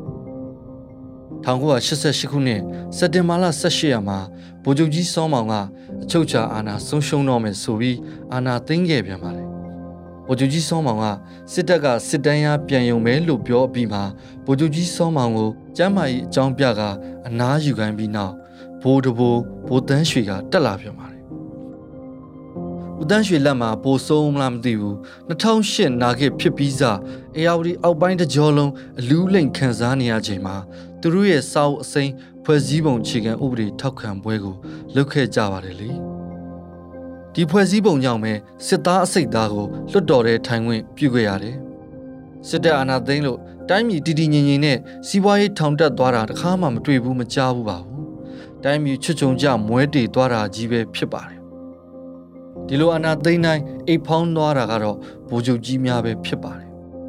မြန်မာနိုင်ငံရေးသမိုင်းတစ်လျှောက်စစ်တပ်ဟာအကြောင်းပြချက်အမျိုးမျိုးနဲ့သုံးငိမ်တိုင်တိုင်အာဏာသိမ်းခဲ့ပါတယ်အာဏာသိမ်းတဲ့အရာတာကိုစစ်ဗိုလ်ချုပ်ကြီးများအဆက်ဆက်လက်ဆင့်ကမ်းခဲ့လို့လားမသိဘူးစစ်ဗိုလ်ချုပ်ကြီးများအဆက်ဆက်အကြိုက်တွေ့ခဲ့ကြပါတယ်ထက်ကနေဆိုအာဏာသိမ်းမယ်ဆိုတာကြီးပဲပြည်သူတွေမျက်ဖြူစိုက်လေဗိုလ်ချုပ်ကြီးများအကြိုက်တွေ့လေပါပဲ လူနည်းစုကောင်းစားရေးကိုရှေ့ရှုကာအာနာတီမြဲဖို့ညီမျိုးစုံနဲ့စ조사ရတဲ့အတွက်လဲအာနာသိန်းစစ်တပ်ရဲ့တိတ်ခါတရားများကြာဆင်းခဲ့ရတာဟာလဲလက်တွေ့ပဲဖြစ်ပါတယ်စစ်တပ်အာဏာသိမ်းမှုကြောင့်တိုင်းပြည်ဟာကြောက်အတွင်းကမတက်နိုင်ဖြစ်နေရတာကိုစစ်တပ်ခေါင်းဆောင်များအနေဖြင့်သတိပြုသင့်ပေမဲ့လည်းမိုက်တွင်းနှက်နေကြဆဲဖြစ်ပါတယ်စစ်တပ်ကပဲဦးစီးကျင်းပတဲ့1990ရွေးကောက်ပွဲမှာ NLD ကပထမအကြိမ် တောင်မျိုးကမ်းမျိုး82ရာခိုင်နှုန်းနိုင်တဲ့ရလာမှာရိုးသားမှုမရှိဘူးလို့ဗိုလ်ချုပ်မှုကြီးမင်းအောင်လှိုင်ကဆွဆွဲခဲ့ပါသေးတယ်ပြန်ပြိုင်တဲ့2015ရွေးကောက်ပွဲ NLD နိုင်ချိန်မှာ၎င်းရဲ့စီနီယာဖြစ်တဲ့သမရဦးသိန်းစိန်အသာတကြီးအာဏာလွှဲပေးခဲ့ပါတယ်အဲ့တုန်းကပြဿနာကြီးကြီးမားမားမပေါ်ခဲ့သလိုမင်းအောင်လှိုင်ကသူကိုယ်တိုင် NLD ဥက္ကဋ္ဌဒေါအောင်ဆန်းစုကြည်ကိုဝမ်ဘန်းတတာကြိုးစိုးဟန်ပြခဲ့ပါတယ် NLD နဲ့ရွေးကောက်ပွဲရလဒ်အပေါ်အဲ့လိုအမြင်မကြည်လင်တဲ့ဗိုလ်ချုပ်မှုကြီးမင်းအောင်လှိုင်ကတက်ချုပ်လှုပ်သက်9နှစ်ပြည့်ချိန်2015 10နှစ်ပြည့်ချိန်2020ရွေးကောက်ပွဲတွေမှာရွေးကောက်ပွဲရလဒ်မှာရိုးသားမှုမရှိလို့ဆိုက2021ခုနှစ်ဖေဖော်ဝါရီလ1ရက်နေ့မှာဗိုလ်ချုပ်မှုကြီးမင်းအောင်လှိုင်ကအာဏာသိမ်းခဲ့ပြန်ပါတယ် အသက်ပြည့်တဲ့ချိန်65နှစ်မှာသူ့နေရာဆက်ခံမှုအရေးချင်းပြည့်မီသူမရှိသေးဘူးသူပဲဆက်လုပ်မယ်ဆိုပြီးကကနအမိန်ကိုကိုယ့်ဘာသာပြင်ပြီးယာရူးယူသွားတာပဲလို့စစ်တပ်အတိုင်းဝိုင်းကဆိုပါတယ်။နောင်လာတဲ့မောင်ပလဲဒိုင်းဝင်ထက်ကဲဆိုရမလားဒီချိန်အာနာသိမ့်မှုကအရင်အချိန်ထက်ပိုပြီးတိုင်းပြည်ပိုပျက်စီးတာထိခိုက်နစ်နာမဲ့လမ်းစာများကိုဥတီနေတာကိုတွေ့ရပြီးနိုင်ငံရေးမတည်မှုများကြောင့်မြို့ရွာများပျက်စီးကာလူများထွက်ပြေးနေရတာပဲဖြစ်ပါတယ် ရခင်တိုင်းပြည်အေးချမ်းခဲ့တဲ့ချင်းပြည်နယ်အတွင်းဖြစ်ပွားခဲ့တဲ့ပြီးခဲ့တဲ့ရပ်ပိုင်းဖြစ်ရပ်တွေကဝမ်းနည်းစရာကောင်းလာပါတယ်။ဒါပေမဲ့အာနာသိန်းစစ်ကောင်းဆောင်ဗိုလ်ချုပ်မှုကြီးမင်းအောင်လှိုင်ကတော့စစ်တပ်အနေဖြင့်လိုအပ်ချက်အရနိုင်ငံတော်၏တာဝန်များကိုခိတ္တတာဝန်ယူထမ်းဆောင်နေရခြင်းဖြစ်ကြောင်းသာအကြိမ်ကြိမ်ပြောဆိုနေပါတယ်။မင်းအောင်လှိုင်အာနာမသိန်းရင်အချိန်မှာစစ်ဗိုလ်ချုပ်အချို့သဘောမတူကြသလိုဗိုလ်ချုပ်အဟောင်းများအချို့မှလည်းသူတို့ရဲ့ပိုင်ဆိုင်မှုထိခိုက်မှဆိုးလာတာကြောင့်သဘောမတူခဲ့ပေမဲ့ မင်းအောင်လှိုင်ရဲ့မယူရဲ့အာနာယူစစ်တပ်ရဲ့ထုံးစံအတိုင်းအချင်းချင်းပင်ရန်ပြုတ်ဖမ်းဆီးခဲ့တဲ့ဖြစ်စဉ်တွေကြောင့်မင်းအောင်လှိုင်ဘက်ကိုမဖြစ်မနေပူးပေါင်းခဲ့ကြတာဖြစ်ပါတယ်။စီးပွားရေးဗန်နာရေးကြက်တဲချင်းမြောင်းပြီးကြီးလန့်စာစားနေကြတဲ့ရှုပ်ထွေးပွေလီနေတဲ့အခြေအနေမျိုးကိုတော့အထူးရှင်းပြနေဖို့တော့မလိုတော့ပါဘူး။ဒုက္ခတခဏအာနာသိမ့်ခဲ့တာဟာတိုင်းပြည်အနာဂတ်ပျောက်သွားသလိုလူငယ်တွေရဲ့အနာဂတ်မှာလည်းမှောင်မိုက်ကျသွားပြီပဲဖြစ်ပါတယ်။ မင်းအောင်လှိုင်ကတခြားအနာသိန်းခေါင်းဆောင်တွေထက်ဆိုတာကပြည်သူတွေကက်ရောဂါဘေးဆက်ရောက်နေချိန်မဲကိစ္စကိုအကြောင်းပြကအာနာသိန်းတာကတော့ရိုင်းဆိုင်ရုပ်မှာပတ်ဆက်လွန်တယ်လို့ဆိုရမှာပဲဖြစ်ပါတယ်။နောက်ဆုံးပိတ်အိတ်နဲ့လွယ်ပြောရမလားမင်းအောင်လှိုင်လက်ထက်မှာတော့အစုလိုက်အပြုံလိုက်တပ်ဖြတ်ရွာလုံးကျွမီးရှို့နဲ့အစွမ်းကုန်ကြမ်းရမ်းတောင်းမြန်းတော့တာပါပဲ။မြန်မာနိုင်ငံရဲ့ဆီအာနာသိမ်းမှုတိုင်းကိုကြည့်ပါစစ်တပ်ကောင်းကျိုးတစ်ခွက်တောင်ရှိခဲ့ဘူးလို့လားသူတို့ရဲ့အာဏာမြဲမယ်ထင်ခဲ့ကြတာပါနောက်ဆုံးမှာတော့ ပြည်သူတွေရဲ့အားစူးစီးညီညွတ်မှုသာအဆုံးသတ်အောင်ပွဲလို့ရယူနိုင်ခဲ့တာပဲဖြစ်ပါတယ်။အာနာသိန်းစစ်ကောင်းဆောင်များကိုတနစ်ကျော်လာတဲ့အထိကုလသမဂ္ဂသော၎င်းအာဆီယံအဖွဲ့အစည်းကသော၎င်းတန်တမန်ရေးနီလန်အားလုံးအသုံးပြုပြီးဖြည့်ရှင်းဆောင်ရွက်ခဲ့ကြပြီးဖြစ်ပါတယ်။ဒါပေမဲ့မြန်မာစစ်ကောင်းဆောင်များဟာမိသူတူတယောက်ရဲ့ဂျားဝင်ဖြည့်ရှင်းမှုမျိုးကိုမဆိုလက်ခံခဲ့ခြင်းမရှိဘဲအကြမ်းဖက်မှုများကိုဆက်လက်ကျူးလွန်နေတာပဲဖြစ်ပါတယ်။ တကယ်တမ်းဆိုရင်မြန်မာအရေးဟာဒေတာတွင်းလုံခြုံရေးကိုထိပါတက်ရောက်နေကြောင်းအာဆီယံအသင်းကြီးရဲ့အတိမတ်ပြုထုတ်ပြန်ချက်တာဝန်သည့်ကမ္ဘာနိုင်ငံ9နိုင်ငံအစိုးရများရဲ့ထလောင်းအတည်ပြုကြေညာချက်နဲ့အေဒီချင်းနိုင်ငံများနေဆက်ဒေသလုံခြုံရေးယိုယွင်းလာမှုအပေါ်စိုးရိမ်မှုမြင့်တက်နေတဲ့အချက်လက်များဟာရည်ညွှန်းပြဆိုနေတာပဲဖြစ်ပါတယ်။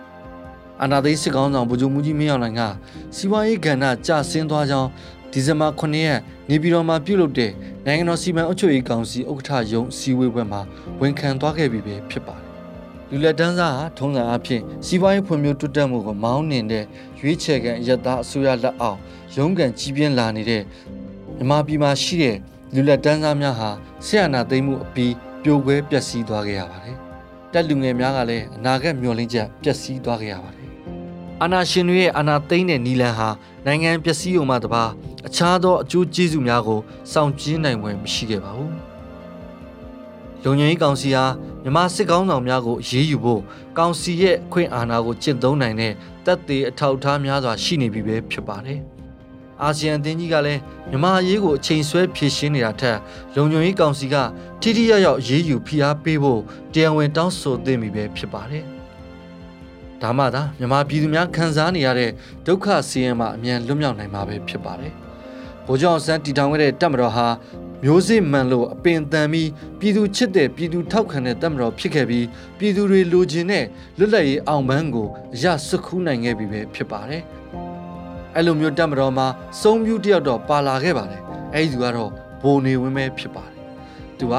1962ခုနှစ်တိုင်းပြည်ကိုအာဏာစသိမ်းခဲ့ပါတယ်။ တပါတီအာဏာရှင်စနစ်နဲ့တိုင်းပြည်ကို28နှစ်ကြာဗိုလ်ကျချယ်လဲစိုးမိုးခဲ့ပါတယ်1988ခုအရေးတော်ပုံဖြစ်ပွားပြီးဗိုလ်ချုပ်ကြီးစောမောင်အာဏာသိမ်းခဲ့ပြန်ပါတယ်ရွေးကောက်ပွဲပြီးရင်ကျွန်တော်တို့ကစစ်တမ်းရပြန်ယုံမယ်လို့ပြောပြီးမှကျမ်းမာရေးမကောင်းလို့ဆိုပြီးအကြောင်းပြကဗိုလ်ချုပ်မူကြီးတန်းရွှေကအာဏာလွှဲပြောင်းရယူခဲ့ပါတယ်အာဏာရဲ့အရသာကိုကောင်းကောင်းသိသားတဲ့ဗိုလ်ချုပ်တွေဟာတစင်မိတစီပြောင်းလာလိုက်တာမင်းအောင်လိုင်လက်ထက်မှာနောက်ဆုံးပိတ်အိတ်နဲ့လွယ်ဆိုသလို ပင်စင်ယူရမယ့်အချိန်နောက်တစ်နှစ်တိုးလို့အာနာကိုဆွဲဆန့်လိုက်တော့တိုင်းပြည်ဟာစင်းရဲတွင်းတွေကနေရုံးမထွက်နိုင်ဖြစ်ရပါတော့တယ်။ဆေးအာနာရှင်အဆက်ဆက်ပြည်သူတွေအတွက်ကောင်းတာတစ်ခွက်တောင်လုပ်ခဲ့ဘူးလို့လား။သူတို့ရဲ့အာနာတည်မြဲဖို့အတွက်ပြည်သူတွေကိုသူတို့ပါဆက်ကထွက်တဲ့အမိတ်မျိုးမျိုးနဲ့ဖိနှိပ်နေတာဟာ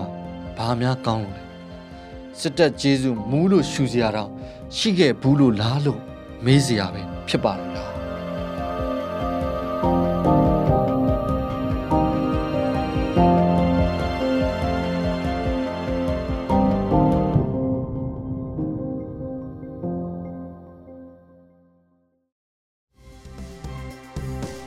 ကျမတို့ရဲ့မြစီမရေဒီယိုကိုနေ့စဉ်ညနေ6နာရီခွဲမှ9နာရီခွဲအထိတိုင်းတူမီတာ16မီတာ7.3တက်မှခွန်3 MHz ကနေပြီးဖမ်းယူနိုင်စင်နိုင်ပါပြီ။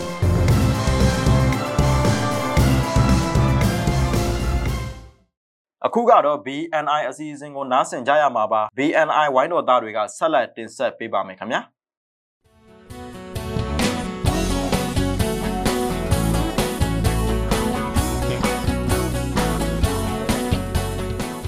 မင်္ဂလာပါရှင်နိုင်ငံတကာမြန်မာသတင်း BNN ရဲ့ဒီကနေ့ဖေဖော်ဝါရီလ23ရက်နေ့အတန်လွင့်အစီအစဉ်တွေကိုစတင်နေပါပြီ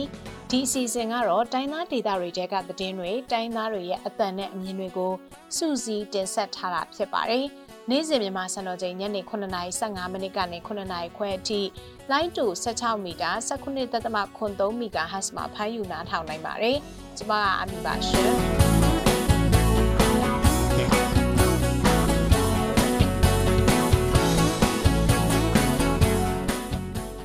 ဒီနေ့မှကြားကြရမယ့်သတင်းတွေကတော့မွန်မျိုးသားနေကိုမွန်ပြည်သူတွေကိုယ်သဘောနဲ့ကိုရုံးပိတ်ရသတ်မှတ်ဖို့မွန်ပြည်သက်ပါတီကတိုက်တွန်းလိုက်ပါတယ်ရခိုင်တပ်တော် AA နဲ့ဆက်ဆက်ပြီးတော့ဖမ်းဆီးခံထားတဲ့လူ80ကျော်လွတ်မြောက်လာခြင်းမရှိဘဲဖမ်းဆီးထိန်းသိမ်းခံရဆဲဖြစ်ပါတယ်ပင်လုံစာချုပ်ချုပ်ဆိုမှု85နှစ်ပြည့်မှာကချင်ကောင်းဆောင်ဗိုလ်ချုပ်ကြီးကမ်ရှောင်က NUG အစိုးရကိုပင်လုံအခြေခံတဲ့ပြည်ထောင်စုကိုဖော်ဆောင်သွားဖို့တိုက်တွန်းလိုက်ပါတယ်။သတင်းတွေကိုတော့ကျွန်မနဲ့အတူဆိုင်းမွန်းကနေတင်ဆက်ပြီးသွားမှာပါရှင်။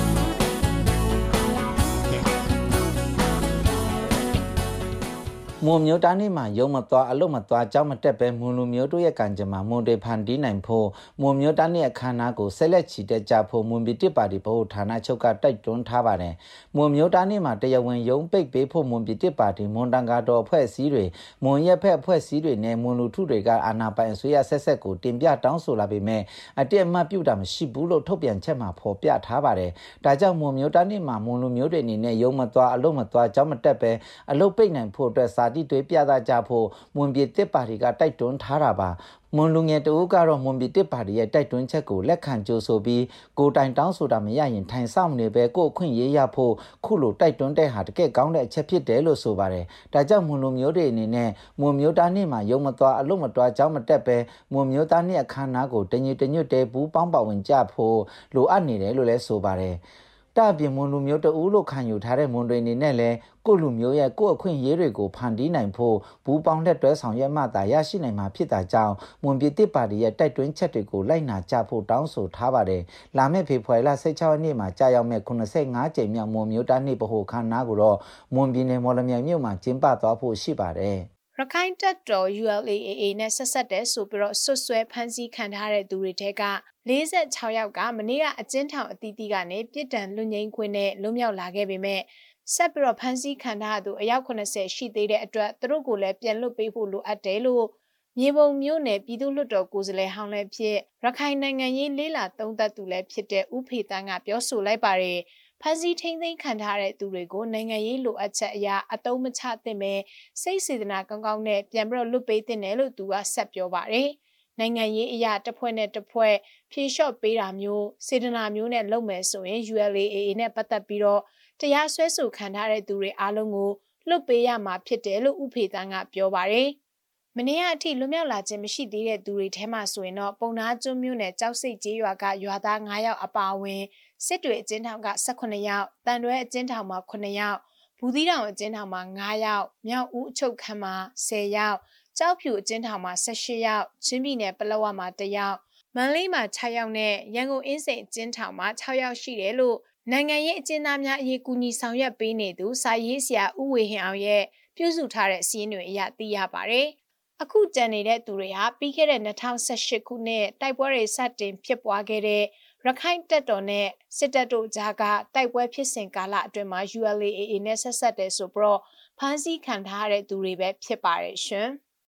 နယူးတယ်လီမြန်မာတန်ယုံဝန်ထမ်းတွေကို CTM လုပ်ဖို့အိန္ဒိယရောက်မြန်မာတွေကတောင်းဆိုလိုက်ပါတယ်။အိန္ဒိယနိုင်ငံဆိုင်ရာမြန်မာတန်ယုံကတာမတ်ကြီးနဲ့ယုံဝန်ထမ်းတွေအနေနဲ့စစ်ကောင်စီကိုအလို့ကျွေးပြုနေတဲ့လုပ်ရက်တွေကိုရက်တန်းကရက်ပြီးတော့ဓမ္မဘက်ကရက်တီဖို့အချိန်နောက်မကျသေးဘူးလို့အိန္ဒိယနိုင်ငံရောက်မြန်မာတွေကတောင်းဆိုလိုက်ပါတယ်။ဖေဖော်ဝါရီလ12ရက်နေ့ကြာရောက်တဲ့ပင်လုံစာချုပ်ချုပ်ဆိုတာ85နှစ်ပြည့်ပြည်ထောင်စုနေ့မှာအိန္ဒိယနိုင်ငံဆိုင်ရာမြန်မာတန်မတ်ကြီးနဲ့တန်ယုံဝန်ထမ်းတွေစီအိန္ဒိယနိုင်ငံရောက် India for မြန်မာအဖွဲ့ကအိတ်ဖွင့်ပေးစာပေးပို့ခဲ့တာဖြစ်ပါတယ်အခုလိုပြည်သူဘက်ကရက်တီဖို့နိုးစော်တိုက်တွန်းချက်တွေကိုဥပိ္ပခာပြုပါက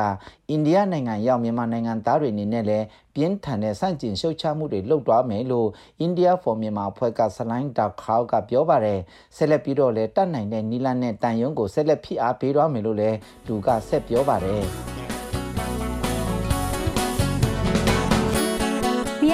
BNI Radio ကသတင်းတွေကိုတင်ဆက်ပေးနေတာဖြစ်ပါတယ်။နေ့စဉ်မြန်မာစံတော်ချိန်ညနေ9:15မိနစ်ကနေ9:00ခွဲအထိလိုင်းတူ16မီတာ19.3 MHz မှာဖမ်းယူနားထောင်နိုင်ပါတယ်။မြင်းချနမြို့မြောက်ဘက်လမ်းမကြီးပေါ်ပလနာရက်ကွက်ကရဲကင်းစခန်းတစ်ခုဒီနေ့မနက်9နာရီအချိန်လောက်မှာမိုင်းခွဲတိုက်ခိုက်ခံခဲ့ရပါတယ်။ ဒီစခန်းကပလနာရက်ကွက်ထဲမှာနေ့စဉ်လမ်းသွားလမ်းလာပြည်သူတွေကိုစစ်ဆေးမှုတွေလုပ်နေတဲ့ရဲကင်းစခန်းတစ်ခုဖြစ်တယ်လို့ဒေသခံတွေကပြောပါတယ်။ဒါပေမဲ့အဲ့ဒီပောက်ကွဲမှုဖြစ်စဉ်မှာစစ်ကောင်စီတပ်ဖွဲ့နဲ့ရဲတပ်ဖွဲ့ဝင်တွေထိခိုက်တာမရှိဘူးလို့သိရပါတယ်။မြစ်ကြီးနားမြို့မှာအခုရက်ပိုင်းအတွင်းစစ်ကောင်စီတပ်သားတွေဟာအရင်ကထက်အရဝတ်နဲ့သွာလာမှုတွေပိုပြီးတော့လှုပ်ဆောင်လာနေပြီးတော့အထူးသဖြင့်လူငယ်တွေကိုစစ်ဆေးတာမတင်ကရင်ဖမ်းဆီးသွားတာမျိုးတွေဇက်တိုက်လှုပ်ဆောင်နေတယ်လို့ဒေသခံတွေစီကနေသိရပါတယ်။ ရခိုင်ပြည်နယ်ပူတီတောင်မြို့အမတ်နှီမြို့မရက်ကွက်လမ်းမဘုံကြီးကျောင်းမှာရှိတဲ့စစ်ပေးဆောင်စခန်းကစာတင်ကျောင်းဆောင်နှစ်ဆောင်လုံးမနေ့ကမွန်းလွဲပိုင်းမှာလေပြင်းတိုက်ခတ်မှုတံကိုခံလိုက်ရတဲ့အတွက်ပြိုကျပျက်စီးခဲ့ပါတယ်ဒီစခန်းကိုပြီးခဲ့တဲ့2021ခုနှစ်မေလကအလူရှင်အကူအညီနဲ့တနိမောဝါချန်းခင်းကျောင်းဆောင်နှစ်ဆောင်ကိုကုထုကိုထတိဆောက်ခဲ့ကြတာပါဒါပေမဲ့မနေ့ကလေပြင်းတိုက်ခတ်မှုတံကိုမခံနိုင်တဲ့အတွက်စာတင်ကျောင်းဆောင်ပြိုကျပျက်စီးသွားတာကြောင့်လက်ရှိမှာစာဆက်လက်တင်ကြားဖို့အတွက်အခက်အခဲဖြစ်နေတယ်လို့လည်းစခန်းတာဝန်ခံကပြောပါတယ် ဒီကျောင်းဟာမူလလွန်ကျောင်းဖြစ်ပြီးတော့ကျောင်းသားကျောင်းသူဦးရေ160ကျော်ဆရာဆရာမ10ဦးကပညာတင်ကြားပေးနေတာဖြစ်ပါတယ်အခုစာတင်နေ့မှာပြီးဆုံးတဲ့အတွက် grade တွေပညာဆက်တဲ့တင်ကြားနိုင်ဖို့နေရာထိုင်ခင်းတစ်ခုခုကူညီပေးစေလိုတယ်လို့စစ်ဆောင်ကျောင်းသားမိဘတူကပြောပါတယ်ဒီစစ်ပေးဆောင်စခန်းကပြည်သူတွေဟာပူရီတောင်မြို့နယ်နွားယုံတောင်ရှစ်ရှားတောင်စံကိုးတောင်ဥယျင်သာ တရက်ပြင်းနဲ့အခြားရွာပေါင်း16ရွာကလူဦးရေစုစုပေါင်း1350ဦးခုလုံနေတာဖြစ်ပါတယ်။ရခိုင်ပြည်နယ်မှာမြန်မာစစ်တပ်နဲ့ရခိုင်တပ်တော် AA တို့တိုက်ပွဲဖြစ်ပွားမှုတွေကြောင့်ထွက်ပြေးတင်းရှောင်လာရတဲ့သူတွေဖြစ်ပြီးတော့လက်ရှိအချိန်ထိနေရမပြန်နိုင်သေးတာဖြစ်ပါတယ်။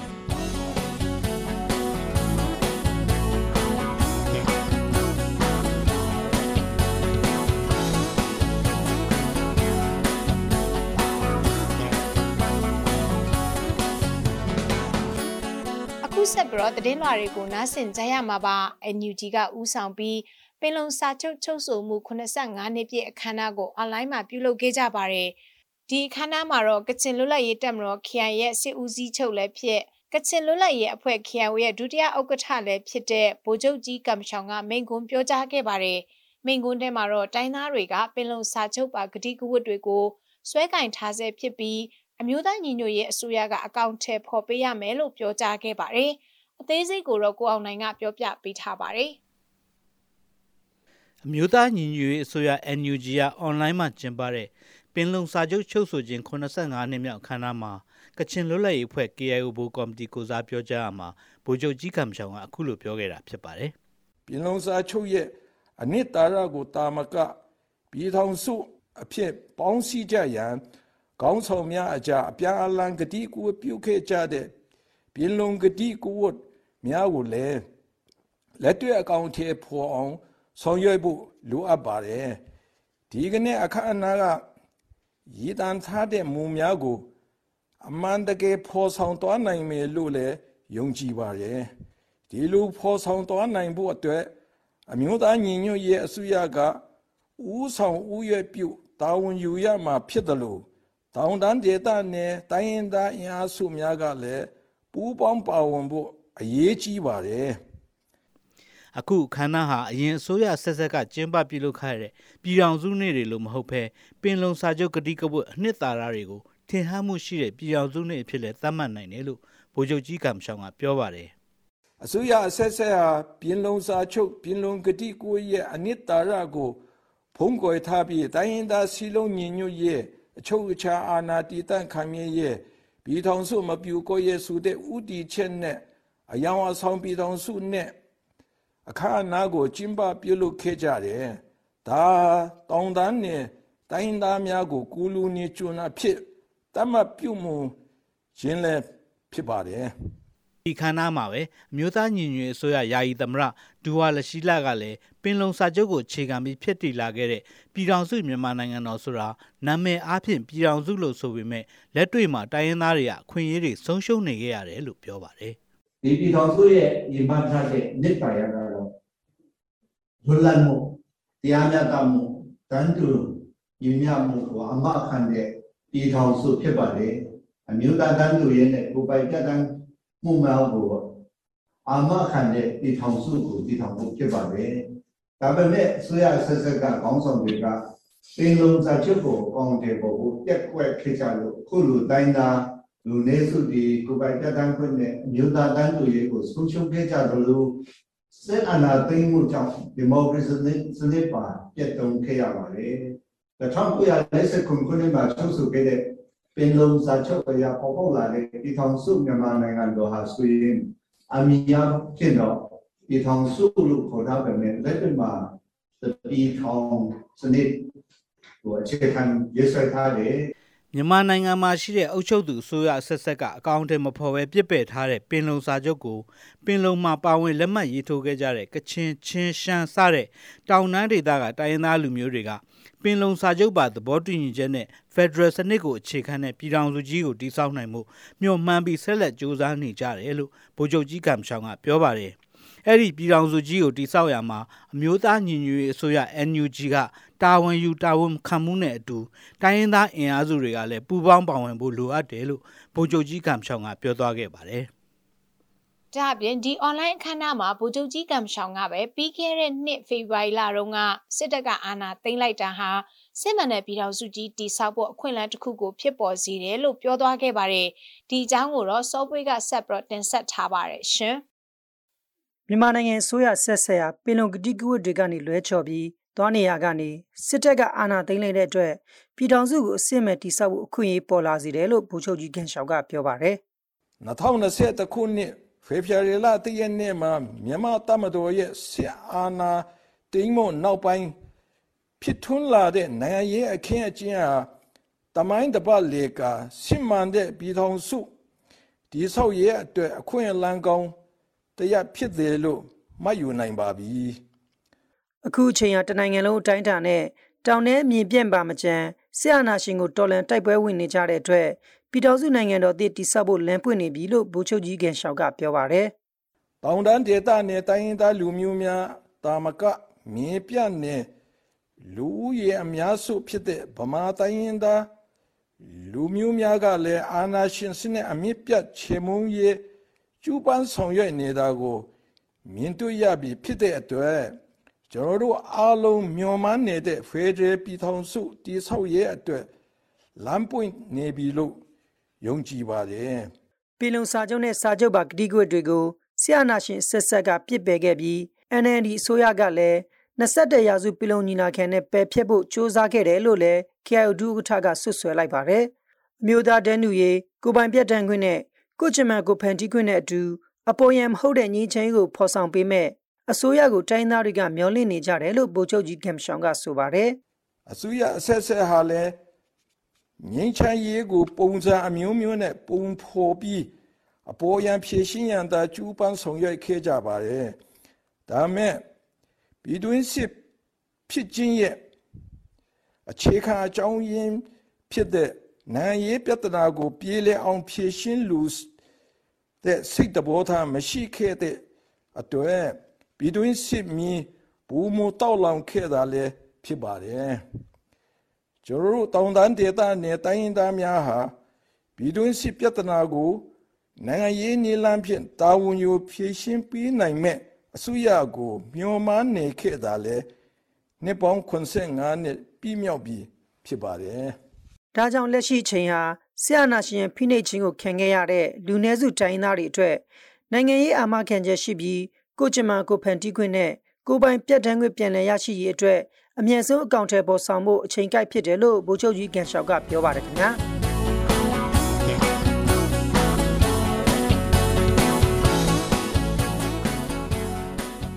အခုနားဆင်ခဲ့ကြရတာကတော့ BNI Radio ကနေ့စဉ်သတင်းအစီအစဉ်ပဲဖြစ်ပါတယ်။ဒီအစီအစဉ်ကိုနေ့စဉ်မြန်မာစံတော်ချိန်ညနေ9:15မိနစ်ကနေ9:00ခွဲအထိ15မိနစ်ကြာထုတ်လွှင့်နေတာဖြစ်ပါတယ်။နားဆင်ပေးတဲ့အတွက်ကျေးဇူးတင်ပါတယ်ရှင်။ကျွန်မကအမီပါ။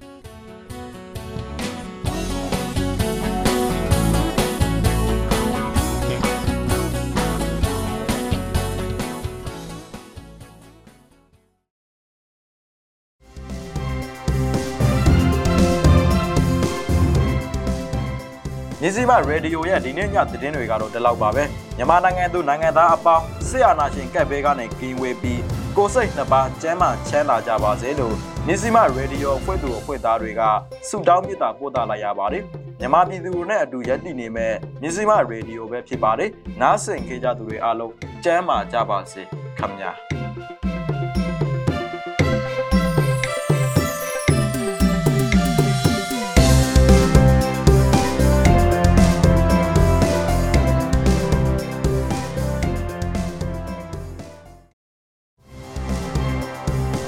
မတို့ရဲ့မြစီမရေဒီယိုကိုနေ့စဉ်ည6နာရီခွဲမှည9နာရီခွဲထိလိုင်းဒိုမီတာ16မီတာစက္ကွန်တသမခွန်3 MHz ကနေပြီးတော့ဖမ်းယူနားဆင်နိုင်ပါပြီ။မြစီမရေဒီယိုကိုနားမစင်လိုက်ရတဲ့သူတွေအနေနဲ့မြစီမ News and Army Page 108 Page မြစီမ YouTube Channel မြစီမ Website Podcast Application Podcast Anchor Podcast တွေမှာလည်းပြန်လည်နားဆင်လို့ရပါတယ်နော်။